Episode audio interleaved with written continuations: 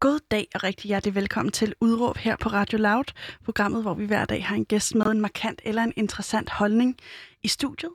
I dag er det altså med dig, Fie Sommer. Velkommen til. Ja, tusind tak. Åh, oh, den sidder lidt dumt, den der er mikrofon. dumt. Ja. Jeg skal lidt op. Sådan der, jeg prøver det. Og måske, ja, du, ja. Ja. Øh, ja ellers så kommer jeg lige over dig på den om lidt.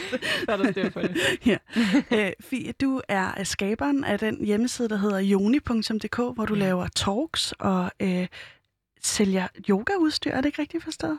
Jo, eller yogaudstyr, det er mere faktisk, altså Joni er en, en del af det, jeg har skabt, som er en, et brand, der laver tøj, der empower kvinder, altså hvor der er plads til kvindekroppen. Øhm, tøj, der ikke strammer ind, som ligesom lader os være os fuldt øhm, og fylde. Ja. Og det er nogle af de ting, vi også skal tale om i dag. Nogle vil måske også kende dig for det program, der hedder De Perfekte Piger, der kørte på DR3 for noget tid siden. ja, det er et par år siden. Det er et par år ja. Ja. siden, ja. Og så er du øh, aktiv på Instagram. Øh, du er ikke influencer, fordi du ikke sælger for andre, men du er aktiv på Instagram, hvor Mm. mange måske også kender dig for. Du har i hvert fald ekstremt mange følgere, ikke? Relativt mange. hvor mange er det, du har? øhm, 13.000. Ja, det er sindssygt. Ja. Øh, jeg har 300, kan jeg sige. Jeg synes også, det er helt wild, når jeg tænker over, hvor mange der ser med. Ja, det, det, det er vildt. det godt nok. Nå, men herovre på den anden side af pulten, der står jeg. Jeg hedder Pauline Kloster, og i dag skal vi snakke om øh, feminisme, kan vi vel sige. Vi, mm. kan, øh, vi kan også sige, øh, hvordan samfundet påvirker øh, øh, kvinder til ikke at være vilde. Fordi, Fie, du mener, at øh, øh, øh, samfundet lukker ned for den vilde kvinde, og det har altså konsekvenser. Yes. Øh, vil du ikke lige kort prøve at oprise, hvad er det, du mener med det?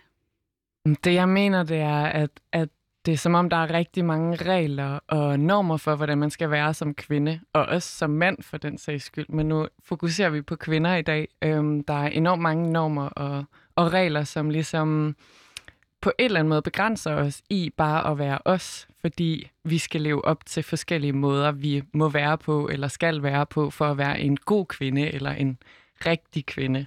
Og det skal vi snakke meget mere om, men vi, er, vi starter et fuldstændig andet sted, faktisk ja. Med din egen historie, mm-hmm. fordi du oplevede øh, at få en hjernerystelse, Ja. som på en eller anden måde har været skældsættende for den måde, du lever dit liv på i dag. Vil du ikke lige prøve at sige, øh, hvordan fik du den her hjernerystelse? Mm, Det var faktisk... Altså, jeg tror, at hjernerystelsen var mest bare det, der fik glasset, eller vand, vandglasset til at løbe over. Bæret. Ja, præcis. Bæret til at løbe over. Øhm, så, så den kom bare sådan oveni år med kronisk stress og sådan en masse ting, jeg havde undertrykt. Og så fik jeg den her hjernerystelse til Og noget. hvordan, hvordan fik du den?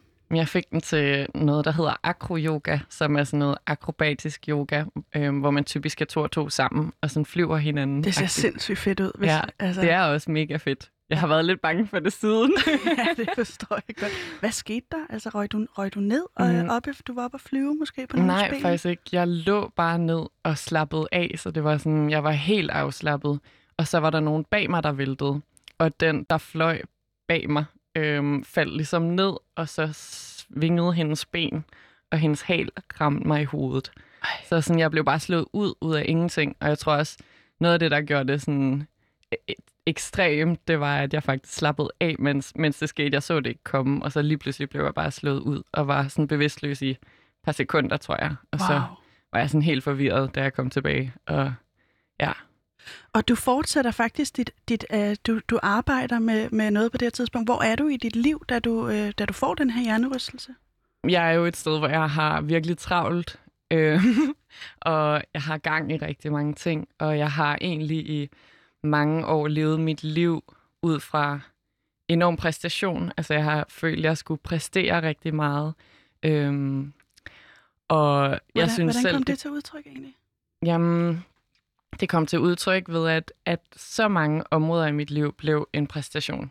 Øhm, både mit udseende og sådan min krop og træning, øhm, også mit sociale liv, min, mit arbejdsliv. Altså alt blev lige, ligesom noget, der skulle præstere noget. Altså noget, der skulle bringe mig et sted hen. Jeg havde ligesom kottet alle de ting af, som ikke bragte mig noget sted hen. Så for eksempel så elskede jeg at, at synge, da jeg var barn. Og det stoppede jeg med, fordi jeg blev jo nok ikke sanger, du ved. Så sådan, jeg havde bare sådan kottet alle de ting ud af mit liv, der ikke kunne bringe mig en præstation i fremtiden, eller sådan Øhm, så alt, jeg gjorde, var enormt præstationspræget, og jeg havde helt vildt travlt. Men jeg følte også, det gik rigtig godt, altså sådan på papiret. Det gjorde det, fordi vil ja. du ikke prøve at sige, hvad, hvad var det, din, øh, du havde flere jobs på det tidspunkt? Altså, hvad, hvad består det i?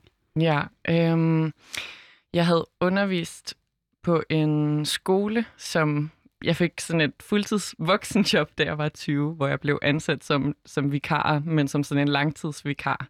Så jeg var klasselærer for en, en øh, 5. klasse, og altså, jeg havde enormt meget sådan voksen ansvar lige pludselig.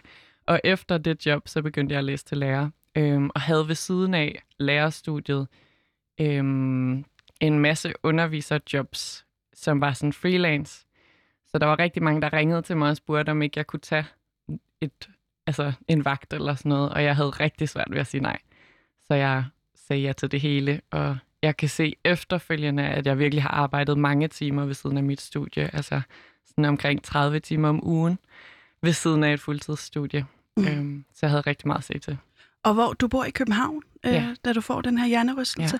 Ja. Og øh, vil du ikke lige beskrive sådan, øh, lige efter du får den her hjernerystelse, hvordan ser dit liv derud? Jamen lige efter jeg får den, der føler jeg ikke, jeg har tid til at tage mig af den. Øhm, og jeg føler ligesom, ja, jeg har ikke tid til, at min krop gør alle de her ting, så jeg begynder sådan at få hovedpine kvalme og svimmelhed og sådan nogle ting, men jeg har ligesom ikke tid til at lytte til det, så jeg undertrykker det bare og kører faktisk videre i mit sådan almindelige liv i et halvt år. Øhm, et halvt år længere, efter jeg har fået hjernerystelsen, hvor jeg bare sådan får det fysisk dårligere og dårligere. Og, øh, ja. Hvordan mærker du det, at du får det fysisk dårligere og dårligere? Jeg mærker det ved, at mm, jeg ja, altså, det bliver mere og mere tydeligt for mig også, at jeg har levet mit liv med sådan en facade, altså hvor jeg ikke har lov til, eller giver mig selv lov til at vise, hvordan jeg egentlig har det, fordi jeg får det dårligere og dårligere, hver gang jeg kommer hjem, så øh, knækker jeg nærmest sammen. Altså jeg kan huske, jeg græder næsten hver dag, når jeg kommer hjem, og sådan tager det første, jeg skal gøre, det er at tage alt mit tøj af, fordi jeg sådan har ondt. Altså det gør ondt at have tøj på, agtigt. Øhm, og så skal jeg trække øh, gardinerne for, og bare ligge i et mørkt rum under min dyne, øh, indtil næste morgen, hvor vækket ringer, og det hele starter igen, og jeg ligesom skal kæmpe mig op, og så komme ud af lejligheden og sætte et smil på, og se sådan mega overskudsagtig ud. Så sådan udad til kunne man ikke se noget, men bag for siden havde jeg det virkelig dårligt, og havde smerter i kroppen, hovedpine, migræne, var enormt lys og lyd empfindelig, og, og ja, altså sådan, jeg fik sådan nogle anfald, hvor rummet drejede rundt og sådan noget. Ja. Og hvor, hvor, hvorfor, hvorfor, hvorfor, øhm, hvorfor gør du det? Altså, hvorfor tager du det her smil på, når du så går ud fra, fra dit hjem, og, og, som er en helt vild kontrast for, hvordan ja. du har det, når du er hjemme? Ja. Hvor du ikke rigtig kan have, have det tøj på, du ja. i hvert fald plejer, og øh, du fortæller det her med lyd og, og lys, og sådan. Hvorfor, hvorfor skruer du et smil på, når du kommer ud, tror du? Ja, jeg, altså, jeg tænker det, fordi jeg har bundet min værdi op på min præstation. Og det er, jo, det er jo noget, jeg på en eller anden måde har tillært i løbet af mit liv, at det er sådan, det hænger sammen, eller, eller det er det, der giver mig anerkendelse eller værdi i den her verden, det er, når jeg præsterer, og når jeg smiler og, og er overskudsagtig. Det er ligesom den version, som verden gerne vil se, så det er den version, jeg bliver nødt til at levere, hvis det giver mening. Jamen, det giver super god mening, men jeg øh, tænker bare, hvordan kan du mærke, at det er den version af dig, som verden gerne vil se?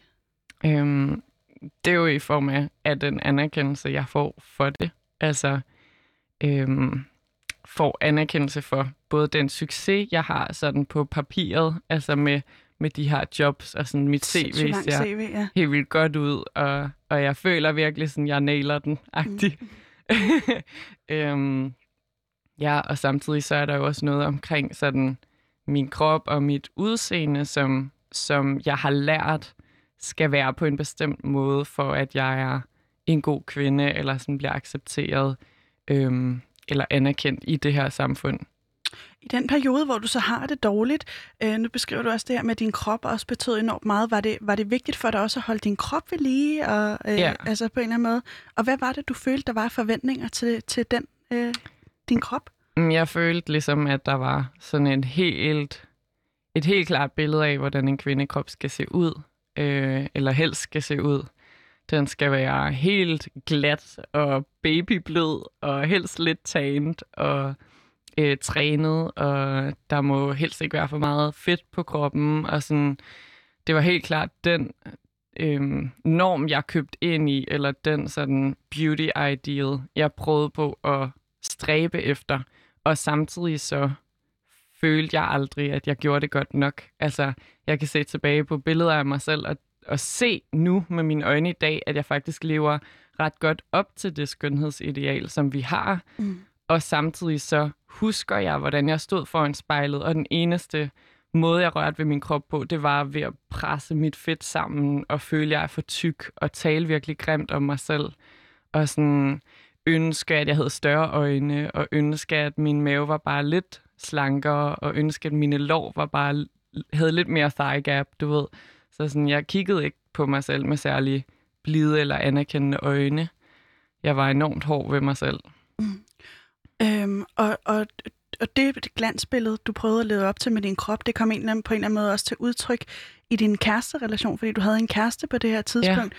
Øhm, vil du ikke lige prøve at beskrive, når et, et typisk skænderi fandt sted, øh, og I skulle ud og møde nogle venner efterfølgende? Ja. Hvordan sådan noget forløb? Det var bare sindssygt vigtigt for mig, at det udadtil så ud, som om vi havde et virkelig, virkelig godt parforhold, og det gik rigtig godt. Øhm, og det var noget, jeg brugte enormt meget energi på, ligesom at opretholde det billede udad til. Altså, jeg havde ikke lyst til, at folk skulle se, at vi faktisk havde en relation, hvor der var enormt mange skænderier, og som, som måske ikke var særlig nærende for nogen af os faktisk, øhm, når jeg ser tilbage på det. Så hvis vi havde skændtes, så og skulle ud og mødes med venner, så vi har brugt enormt meget energi på sådan at få ham til Altså, fordi jeg vidste, jeg kunne godt tage facaden på. Jeg kunne godt komme og være totalt... Præcis, jeg var total mester i det. Så jeg vidste, jeg kunne sådan stole på mig selv i at tage den her facade på, og ikke vise den her sårbarhed. Men så brugte jeg enormt meget energi på ligesom at få ham til at have det godt igen, sådan at man ikke ville kunne se det på ham heller.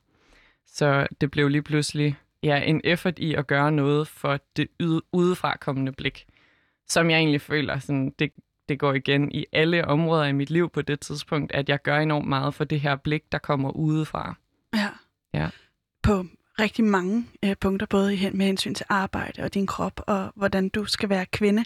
Ja. Øhm, du melder dig jo ikke syg i et halvt år, øh, ja. kører du på den her måde. Ja. Og, og da du så melder dig syg, der, øh, der er det ikke dig selv, der tager initiativet til det.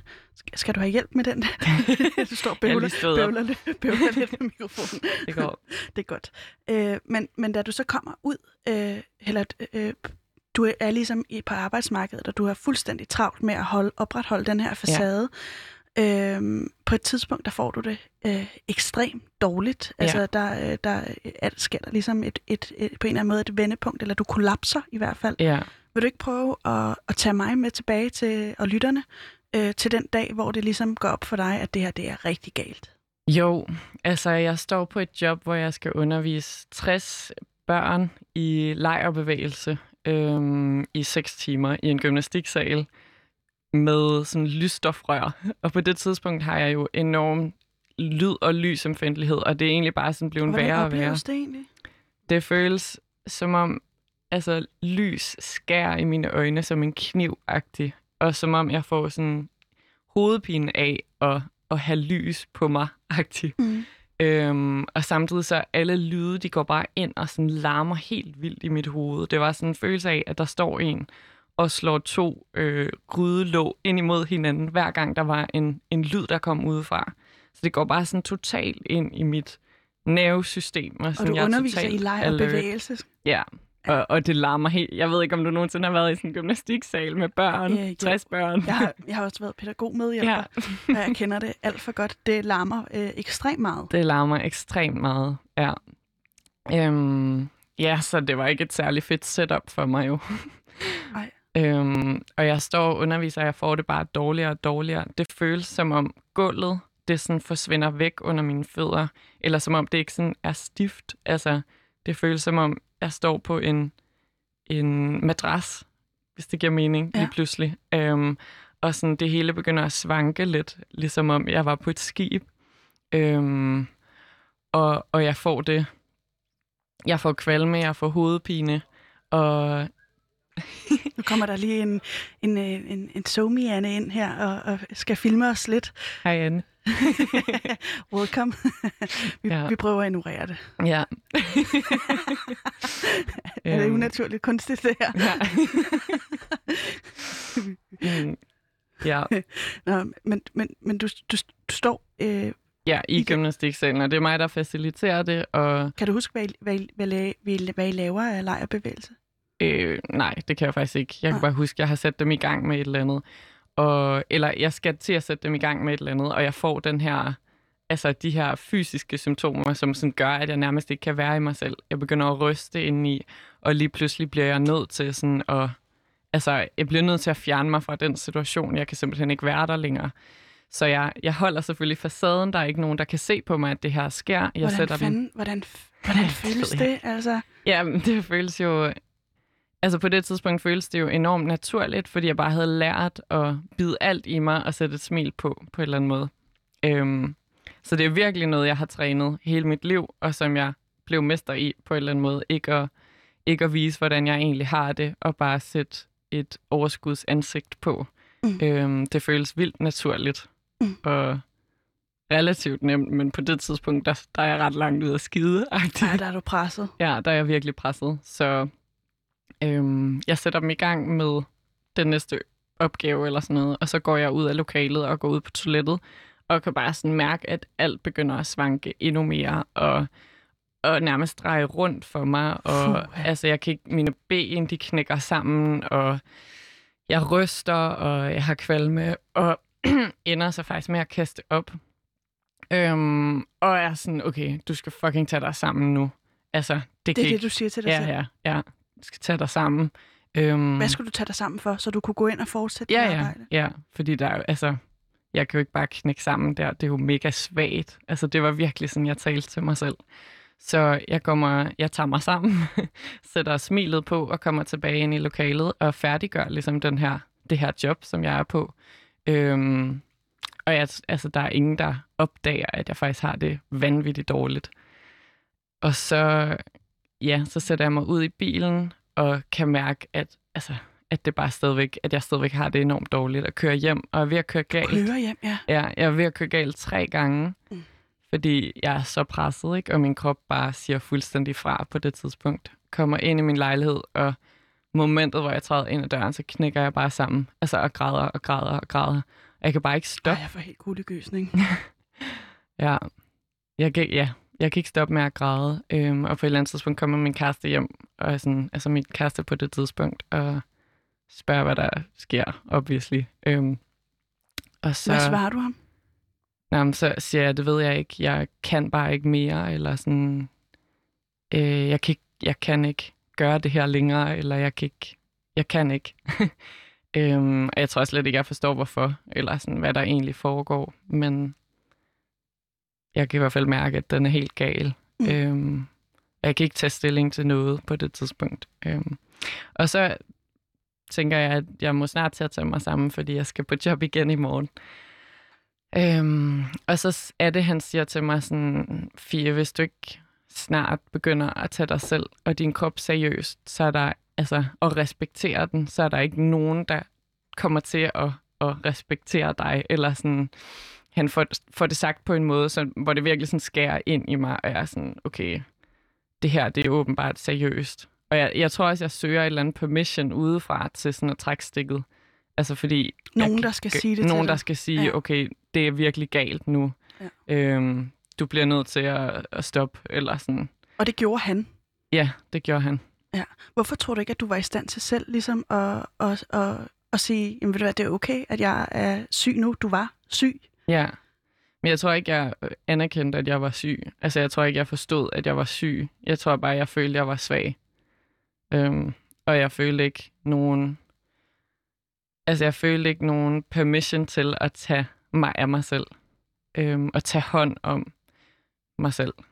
Fordi jeg blev jo nødt til at fungere i vores samfund, eller sådan i mit liv. Kort tid efter den her episode, der melder, melder du dig syg. Ja. Du, øh, du ringer til din arbejdsgiver. Kan du huske den samtale? Nej, det kan jeg faktisk ikke. Jeg kan bare huske, at jeg melder mig syg resten af ugen. Det her det er en onsdag, det sker. Og så melder jeg mig syg torsdag og fredag.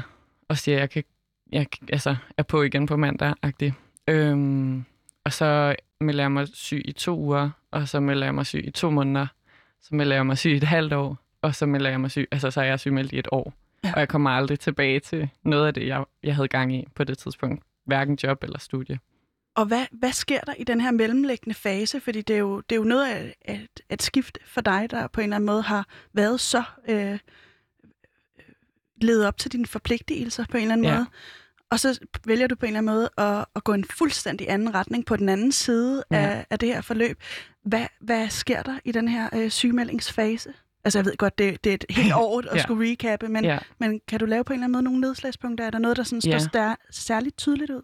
Ja, altså noget af det første, der sker, det er, at jeg bare har det fysisk elendigt. Altså jeg sover 14-16 timer om dagen, og resten af tiden, der er jeg bare inde i sådan en klokke af blur. Altså det føles som om, jeg er inde bag sådan en tog, som om jeg ikke rigtig er der-agtig. Øhm, har smerter i kroppen, hovedpine, kvalme. Lige så snart jeg rejser mig op, så føles min krop altså enormt svag, som om jeg er ved at falde om igen-agtig. Øhm, har ja, lyd og lys omfændelighed, og sådan, så jeg ligger egentlig bare i en seng øh, i et mørkt rum, øh, og har det rigtig hårdt, når jeg skal ud og tisse -agtigt. På det øhm. her tidspunkt, tænker du så over, hvad andre vil forvente af dig her? Eller, eller hvad, hvad sker der med, med de der forventninger, du på en eller anden måde, samfundet og dig selv har til dig? Um, jeg forstår, jeg tror stadigvæk ikke, jeg helt forstår, hvad der, der foregår. Jeg er sådan, hvad sker der for min krop? Kan den ikke bare stoppe med det her? Øhm, og så efter et par uger, så slår det mig sådan psykisk, øhm, hvor jeg lige pludselig tænker, hvis jeg ikke kan gøre alle de her ting, som jeg ligesom har gjort for at have værdi, altså hvis jeg ikke kan præstere, jeg kan hverken se lækker ud lige nu, eller gå på job lige nu, eller studie, eller være sammen med mine venner, eller træne. Sådan, når jeg ikke kan nogen af de her ting, så er jeg jo egentlig ikke noget værd. Altså, Hvem er jeg så? Ja, præcis. Og hvor er min værdi? Altså, øhm, og hvad tænkte du der? Da, hvad, er, hvad var din værdi på det tidspunkt? Kunne du finde den? Mm, nej, ikke på det tidspunkt. Jeg tror, jeg havde bare et enormt lavt selvværd. Hvis ikke jeg havde de her præstationer ligesom at hænge min værdi op på, så var der ikke noget. Altså, jeg følte ikke, at jeg var værdig, bare fordi jeg er. Øhm, det var ligesom en grundfølelse af, at jeg ikke er værdig, eller jeg ikke er god nok, og jeg skal gøre alle de her ting for at være god nok. Det kunne jeg jo så lige pludselig ikke længere. Men bøtten vender jo på et tidspunkt. Vil du prøve at beskrive, hvad er det, der sker, når, når det ligesom begynder at vende for dig? Ja, altså det, der begynder at ske, det er, at jeg begynder at forstå mere og mere. Altså for det første, så kommer der enormt mange ting op, som jeg har undertrykt. Så enormt mange følelser. Jeg græder enormt meget. Øhm, og kommer i kontakt med gamle minder og traumer, som jeg har undertrykt. Så der kommer enormt meget af alt det, som jeg har sådan lukket ned i min krop. Det kommer lige pludselig op.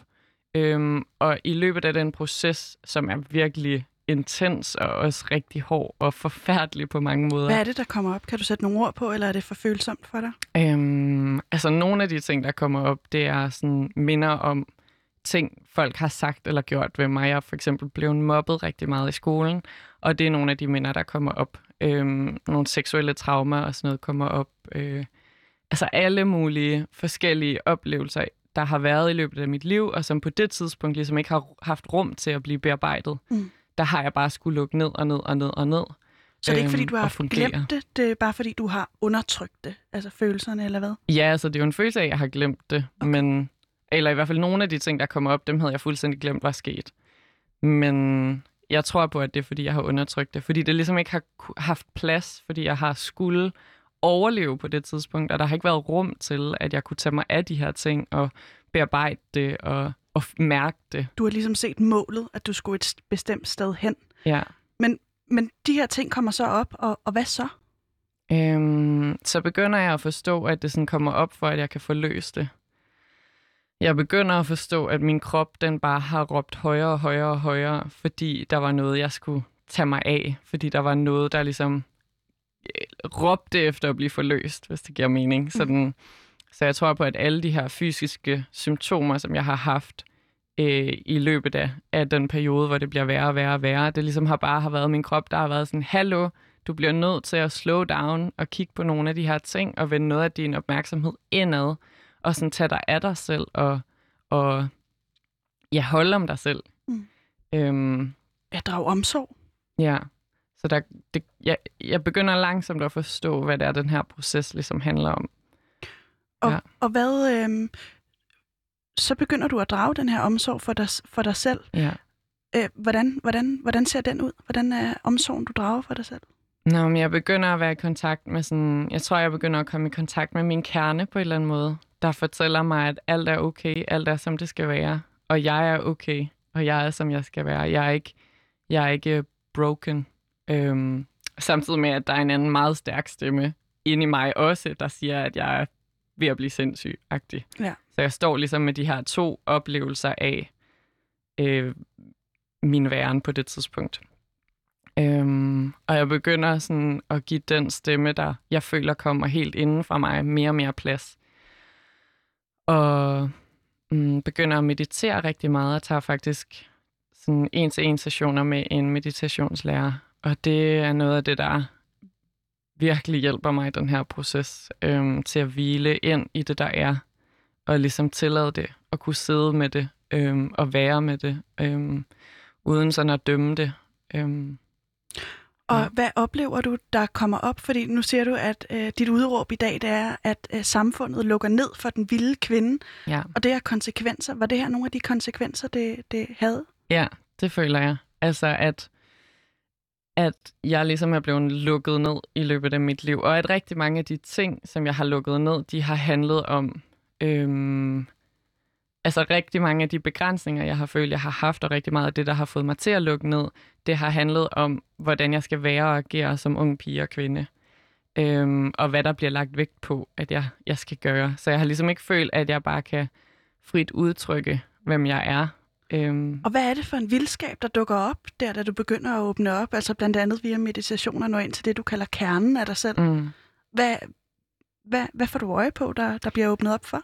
Jamen, følelser, for eksempel. Øhm, følelser, som jeg har følt, eller som jeg tidligere i mit liv ikke har følt måtte være der. Jeg føler, de er blevet lukket ned rigtig meget. Øhm, Hvad er det for nogle følelser? det er både sorg og vrede, og, men også altså det, det, at jeg begynder at mærke sorgen og vreden og kommer i kontakt. Altså vreden har også rigtig meget power. Vreden har også rigtig meget, nej, det vil jeg ikke finde mig i. Eller sådan, vrede kan være rigtig god på rigtig mange måder. Og jeg tror, det dukker op i den her proces. Altså den her vrede dukker op i processen, fordi jeg har lukket ned for så meget, og jeg har ikke stået op for mig selv. Altså jeg har, jeg har ikke sagt nej, jeg har ikke sagt fra, jeg har ikke banket i bordet og sagt, det vil jeg ikke finde mig i. Jeg har ligesom bare fundet mig i det, og er blevet sådan en passiv, øhm, passiv del af mit liv på en eller anden måde, som jeg blev styret udefra. Så rigtig meget af vreden er faktisk der, hvor min power ligger til at tage ejerskab over mig selv, og tage ejerskab over mit liv, og tage ejerskab over, hvem jeg vil være, og hvad for en fortælling, jeg gerne vil være del af. Øhm, ja. Og det sker på det her tidspunkt øh, ret, ret markant for dig, øh, fordi du kommer som sagt slet ikke tilbage på det arbejde, Ja. øh, som du forlod, øh, Ja. fordi du havde den her hjernerystelse. Hvad kommer du tilbage til efter det år? Hvad er det for et liv, du, du skaber dig? Ja, altså jeg kommer tilbage til, at jeg, at jeg tager mit liv i egen hånd, og jeg skaber mit liv ud fra, ud fra min kerne. Og jeg står lidt ved en skillevej på et tidspunkt, hvor jeg føler, at hvis, hvis at den her måde, som jeg tidligere har levet mit liv på, som føles meget som noget, der er uden for mig selv, altså styret af noget, der ligger uden for mig, øhm, hvis det er den måde, livet skal leves på, så har jeg ikke lyst til det. Altså er det enormt kedeligt og trivielt, men også øh, disconnected, og noget jeg, altså så vil jeg hellere lægge mig ned og dø. Mm. Så på det tidspunkt, så vælger jeg ligesom, det er sådan en skillevej, sådan, det vil jeg ikke, så vil jeg hellere dø. Så jeg bliver nødt til at gøre noget andet, fordi jeg vil faktisk gerne leve. Øhm, så jeg tager et valg om at, at fuldstændig øhm, blive ved med den her proces af at skralde alle de her lag af og nå ind til kernen, og så lade den styre øhm, og leve mit liv på mine præmisser. Og øh, en af de ting, der hjælper dig med at, at leve dit liv på dine præmisser, det er en sang, som jeg lige... Øh, det, hed, det er en kunstner, der hedder Fia, med et nummer, der hedder Shine, som du læner dig enormt meget op af i den her periode. Øh, øh, den kommer altså lige her.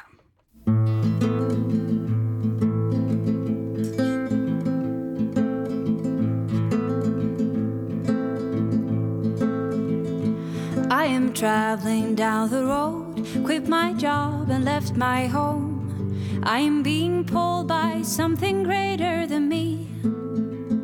And I intend to walk until my vision's clear and mind is still, following that subtle voice within. And though I may not see the path ahead, I am confident. I'm taking one step at a time. I put my heart out on the line, and it will be one hell of a roller coaster ride. But I am ready. I am ready to shine, ready to shine, ready to shine, ready to shine, ready to shine. I found my genius, got the keys, activated piece by piece. Oh, I already know, and I've always got a choice. And I'm committed to this dream, despite how crazy it may seem. And I refuse to die with songs inside of Fie, hvad var det, øh, den her sang, som lige kører lidt i baggrunden nu, øh, gjorde for dig på det her tidspunkt?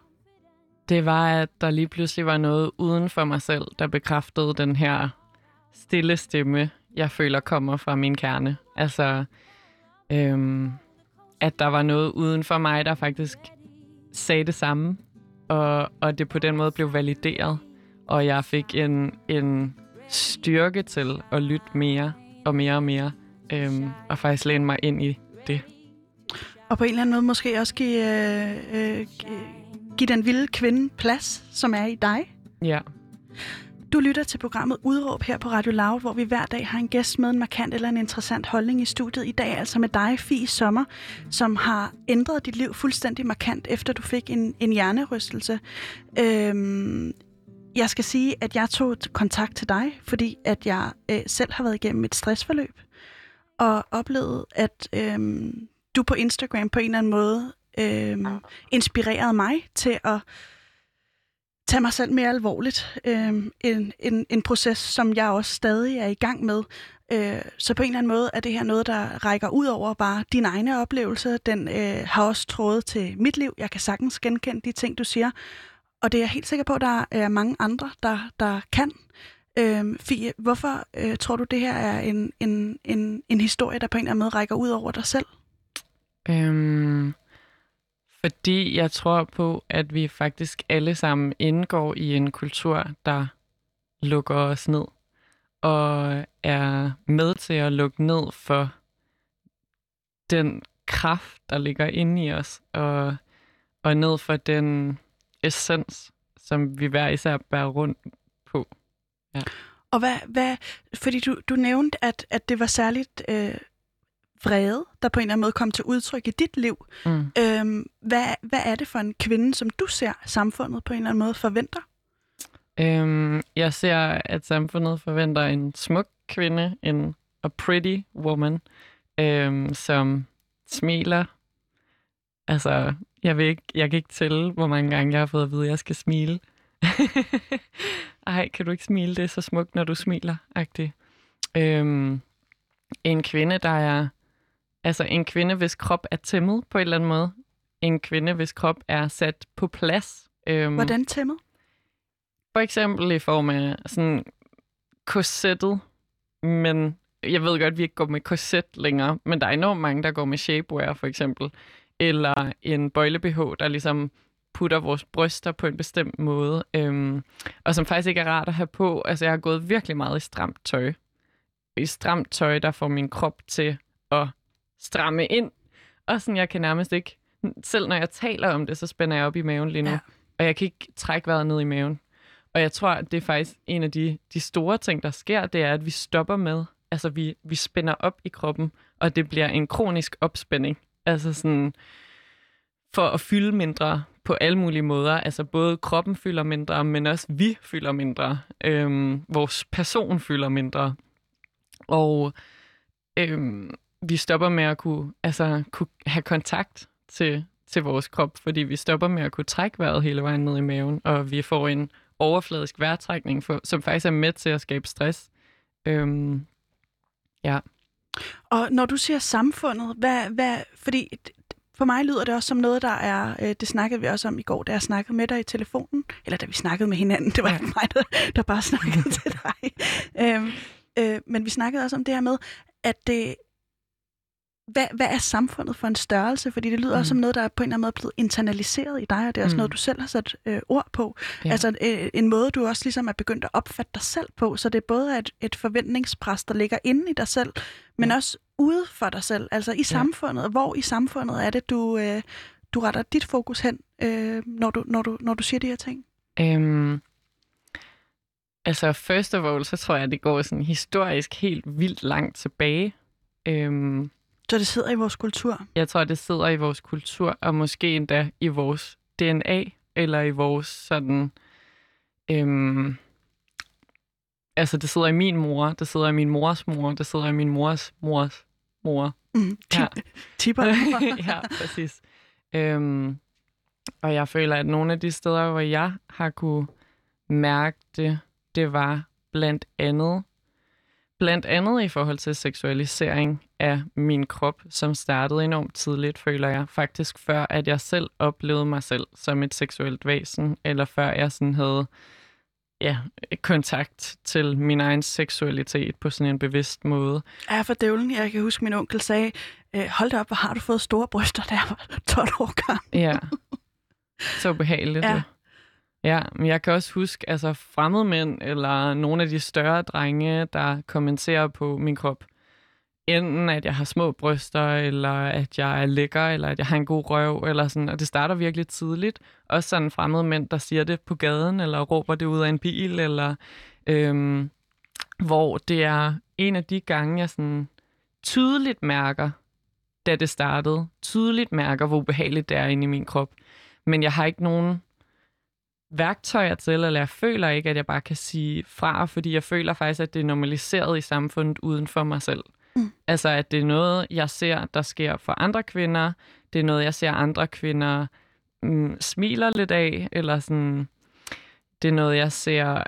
Ja, det er noget, jeg ser er enormt normaliseret, både i kulturen omkring mig, i film, i medier, i porno for den sags skyld, at, at ja, den her kultur bare er normaliseret. Så jeg lærer ligesom at lægge låg på den der ubehagelige følelse ind i mig, der faktisk har lyst til at sådan sige fra, eller sige sådan, hey, det er mega klamt, eller sådan, lad mig være. Men jeg lægger låg på det, og, og på et eller andet tidspunkt, så har jeg lagt så meget låg på det, at jeg faktisk køber ind i kulturen selv. Mm. Og på en eller anden måde er med til at objektificere mig selv, for at, at spille det her spil, som jeg lærer af, af det spil, vi spiller i det her samfund. Ja. Ja. Og hvad tror du, det har af konsekvenser, at man ligesom spiller det her spil? Og på en eller anden måde undertrykker den øh, vildskab, der er inde i piger og kvinder?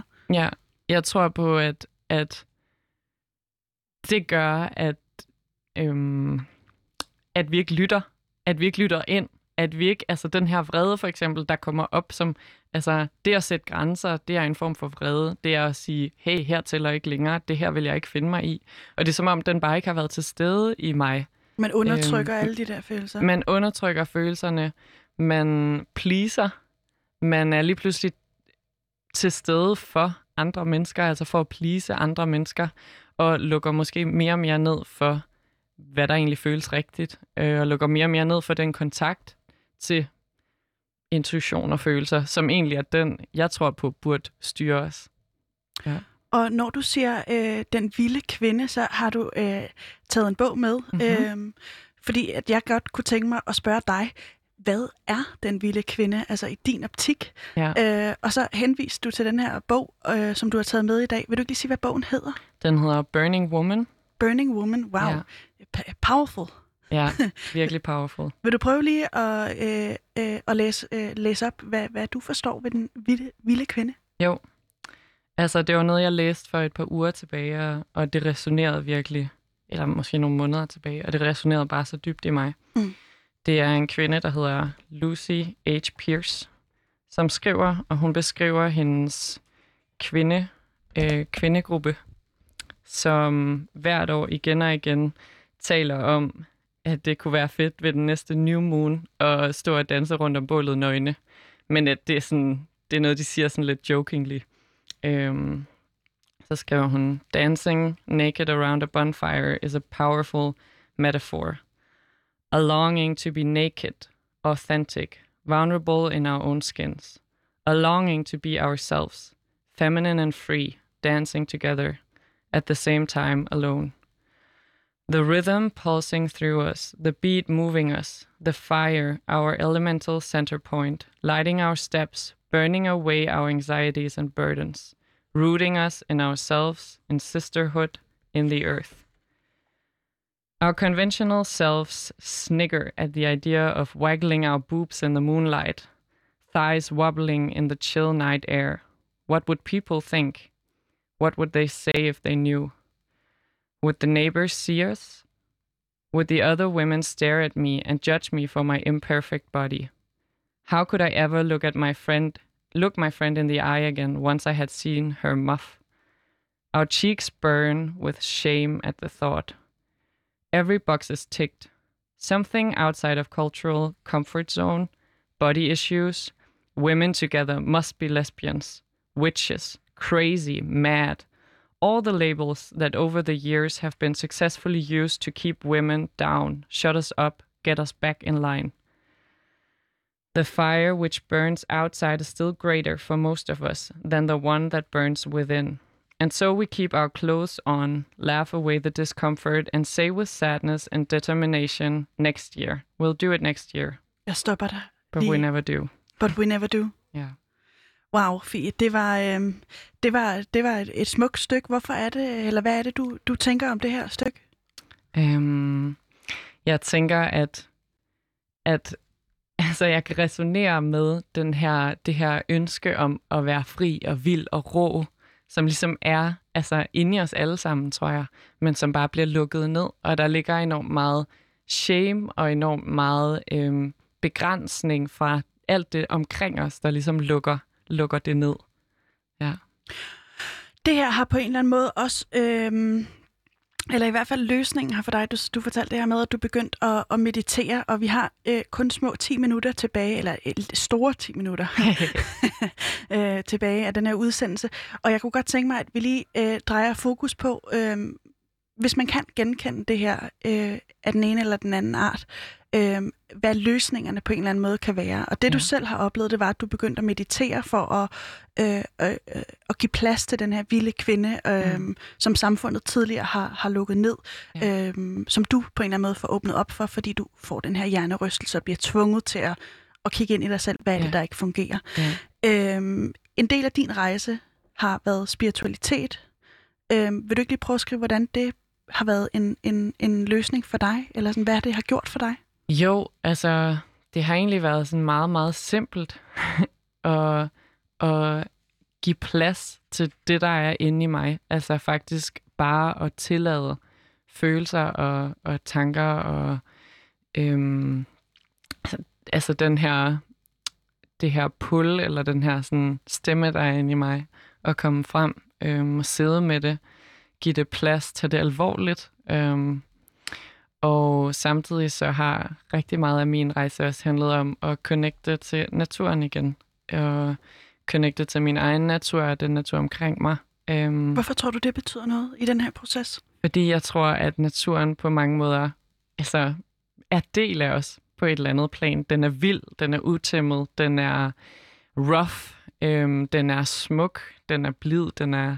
Øhm, og ligesom at finde ind til den natur i mig selv, og lade være med at cutte mig af fra den. Altså, for eksempel så føler jeg, at, at kropsbehåring, den rejse, jeg har haft med kropsbehåring, det har været en følelse af, at jeg har, at jeg har skrabet min vildskab af mig. Altså, at jeg har skrabet noget, der er så naturligt er del af min krop, af mig, fordi at jeg har fået fortalt, at det er skamfyldt, at det er klamt, at det er ulækkert, Øhm, så jeg blev nødt til at fjerne det, og jeg startede faktisk med at, med at barbere ben, da jeg var 11. Mm. Og det er ret tidligt, man ligesom føler som ung pige, at der er noget, der naturligt er på ens krop, der er ulækkert og, og, Og forkert.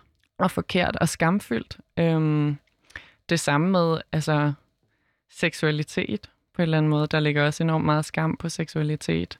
Øhm, og det at tabe ind i, altså det at tillade den her vildskab, det at tage korsettet af, det at fylde, det at lade min krop øh, bevæge sig og fylde og wobble og, og være stor, som den er, eller sådan det at tillade min kropsbehøring at være der. Øh, det har været en rejse tilbage til naturlighed og tilbage til den her rå kvinde på en eller anden måde. Så, så hvis jeg forstår det rigtigt, så er det øh, det naturlige øh, bliver, bliver for dig øh, øh, linket via øh, spiritualitet, og på en eller anden måde står i kontrast til det konstruerede, og det sådan uptight, og det, der ligger låg på, altså øh, samfundet i det her tilfælde. Ja. Er, er det rigtigt forstået? Ja. Hvad, hvad er spiritualitet for dig? Jamen for mig er spiritualitet egentlig bare en, en forbindelse til mig selv og til naturen.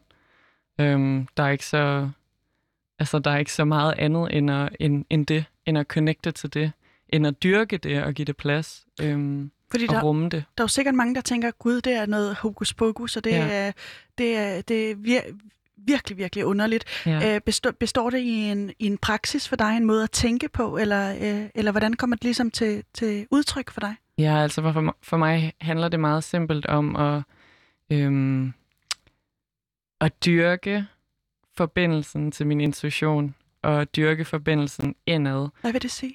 Øhm, det vil sige at lære at lytte. Altså for eksempel helt lavpraktisk, så kunne det være at, at gå ud og tisse, når jeg skal tisse, i stedet for at lukke det behov ned.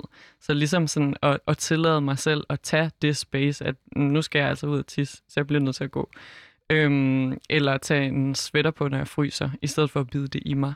Så sådan at lytte til, hvad er der i live lige nu inde i mig.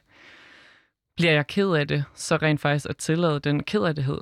Øhm, så det handler om et eller andet sted at være forankret i nuet og i mig selv, og give plads til det, der er lige nu. Øh, og ikke lukke det ned, fordi at jeg føler, at ej, det kan man ikke. Det passer sådan, dårligt ind Det passer her- dårligt ind lige Ja. nu, at du lige skal græde, eller sådan. Og Ja. hvad, hvad, altså ud over de der sådan helt lavpraktiske fysiske ting med, at du, med at du øh, skal tisse, når du skal tisse og alt det her, ikke? Ja. Øh, øh, består den så også i en eller anden form for praksis, altså meditationspraksis? Eller, øh, Ja, altså ja. jeg mediterer dagligt, og jeg vil nærmest sige, at jeg faktisk... Altså for mig handler meditation om bare at være i nuet, øhm, og ikke være så meget op i mit hoved, og være i bekymringstanker, og være i ja, alle mulige tanker, der handler om fortiden eller fremtiden, men ligesom bare at, at connecte til det nuværende øjeblik. Så man kunne godt sige, at jeg står og mediterer lige nu, også fordi jeg er så nærværende med dig i det her rum, og nærværende med det, der er lige nu. Ja. Okay, så det er på en eller anden måde en, en, en, en, et redskab for dig til at være forankret i det, der sker lige nu og her, uden at måske at tænke på alt det her øh, samfundsrelateret, som du har følt undertrykker dig, eller hvad? Ja, og tillade, ja, og tillade mig selv at være, som jeg er, og ikke skulle leve op til alle mulige normer og regler. Jeg tror, i hvert fald når jeg hører ordet spiritualitet, det er stadig mm. en proces for mig, øh, og jeg kan også godt indimellem tænke, åh, det er sgu, der er sgu for meget af det gode i, i, i det, fordi det på en eller anden måde også øh, bliver bundet op på noget, der er sådan lidt guddommeligt. Mm. Øh, er det det for dig? Mm, altså, min spiritualitet er også meget sådan noget, jeg dyrker for mig selv. Men ja, jeg, altså for mig er moder jord for eksempel en, noget, jeg connecter mig til, og noget, jeg lader mig guide af, og noget, jeg, noget der holder mig. Øhm, for eksempel så hopper jeg i havet næsten hver dag, og det er en enorm spirituel praksis for mig, der rooter mig i både øjeblikket, men også forbinder mig til naturen og forbinder mig til min indre natur og min ydre natur. Måske også at se det hele i et lidt større perspektiv, kunne jeg forestille mig, så man ikke øh, ens eget øh, væsen ikke bliver det, der øh, er centrum Ja. i ens egen selvopfattelse, men på en eller anden måde lige får løsnet blikket og se, se sådan, okay, det hele skal sgu nok gå, og vi er den her store øh, klode på en eller anden måde. Ja, og det, det giver mig også en enorm bevidsthed på, at sådan alt det, vi leger her i vores samfund, alle de regler, der er og sådan noget, det er bare noget, vi har fundet på. Altså, det er bare noget, vi made up. Der er en, der, der made it up, og nu lever vi alle sammen ud fra det. Men det behøver man ikke. Altså, vi kan godt bare fjerne os fra det, eller sådan gøre noget andet. Fordi der, ja, det er bare noget, vi har fundet på. det er det. Det er bare en leg. Øh, Fie, du, du, øh, du har jo den her øh, Joni hjemmeside, hvor du også laver nogle Joni-talks, og på en eller anden måde også hjælper andre øh, øh, piger øh, eller kvinder Ja. med at finde ind til deres øh, vildskab og deres Ja. natur. Øh, hvis man sidder derude og tænker, godt kan genkende de ting, du, du siger, Mm. Øhm, har du så nogle gode råd til, hvordan man, man bærer sig ad? Altså, hvad, hvad, hvad kunne de første step i, i sådan en øh, øh, i, i rejsen mod noget vildere? Øh, hvad kunne de være? Ja. Altså, connect med mig. Følg mig på Insta. Nej. Du, du skal ikke have flere følgere, til at sige, jo, det må du øhm, men nej, giv det plads, det du mærker inde i, og tage det alvorligt. Altså, begynd bare at give det et rum. Begynd at lytte. Begynd at gå ud og tisse, når du skal tisse. Og begynd at, og, og ja, tage det, der er inde i dig, som du måske har undertrykt i så lang tid. Begynd at tage det alvorligt, og start en samtale med det, og give plads til at lytte til det. I helt små step. Altså, ja, så meget man lige kan overskue det. Mm. Ja. Og, øh, men, men indimellem, så, så passer det vel også ekstremt dårligt ind i samfundet. Altså for eksempel skal jeg tisse helt vildt meget lige nu. Lige nu. Og vi har øh, fire minutter tilbage. Altså Ja. der, er vel også, der er vel også en grænse for, øh, hvis man også skal have et, et, et, et arbejdsliv, som fungerer. Ja. Øh, hvordan, hvordan får du det til at gå op? Altså, jeg har virkelig brugt meget energi på, eller det har været en stor del af min personlige proces, også at skabe en hverdag og en, en business, der er feminin. Altså, hvor jeg kan, hvor jeg kan føle, hvor jeg kan følge min cyklus, for eksempel, og kan arbejde mere, når jeg har mere energi, og når mine hormoner giver mig mere energi, og arbejde mindre, når jeg har mindre energi. Så sådan, jeg har virkelig taget sådan the radical Altså din one. men- menstruationscyklus? Ja, min Ja. menstruationscyklus. Men jeg har virkelig sådan, jeg har jo taget et radikalt valg om at leve mit liv ud fra det her 100%, og jeg går ikke på kompromis. Men jeg tror også på, at det kan gøres mindre radikalt. Altså at man kan give bare lidt mere plads til, til den her vildskab, eller tage bare lidt mere rum, og give lidt mere plads til sine følelser, og give lidt mere plads til den her naturlighed. Øhm, så ja, start i det små, og lyt ind og tag det alvorligt, det du hører og mærker. Og det er jo som sagt det, du også gør på, øh, på joni.dk, og, og for den sags skyld også på din, på din Instagram. Vil du ikke lige fortælle, øh, hvordan er det, du bærer dig ad med, og øh, altså, hvad, hvad er det, du gør? Øhm, på mange måder så frigør jeg mig selv og, og deler den rejse med andre. Og fordi jeg tror på, at revolutionen sker ligesom inde i os først. Altså jeg bliver nødt til at mærke det på min egen krop først, og jeg bliver nødt til at sådan embody det, altså at mærke det inde i min krop, for at det kan slå eller give ringe ud i vandet på en eller anden måde. Så øhm, jeg frigør mig selv og, og deler det, og støtter andre i at, at frigøre sig selv. Ja. Hvad, håber du, øh, vi tager med os for den her samtale, hvis du på en eller anden måde skulle, skulle sætte det på spidsen? Er der så en eller anden ting, hvor du tænker, øh, det her er det allervigtigste, vi, vi har talt om i dag, nu her, hvor timen er ved at, at være slut? Hmm. Jeg har lyst til at sige, slip hende løs. Den, den vilde pige, der er inde i dig. Måske du kan huske den her unge, vilde, umiddelbare pige, der ikke var bange for, at hendes mave var for stor. Og måske vi kan connecte til hende, fordi hun lever stadigvæk inde i os. Hende, der danser i regnen og, og skriger og hopper i havet, eller hopper i vandpytter, eller leger, og bare er umiddelbar. Jeg tror, at den energi, den ligger ligesom i os alle sammen. Og, og ja, giv hende plads, slip hende løs. Wow, Fie Sommer, øh, som du altså også sidder på Instagram, hvis man skulle være inspireret til at gå ind og, og, og følge dig der. Øhm, du har været min gæst i dag i, i, i programmet Udråb, hvor vi ja. Hver dag har en gæst med en markant eller en interessant holdning i studiet. Du skal have tusind, tusind tak, fordi du kom. Det var en fornøjelse at have dig i studiet.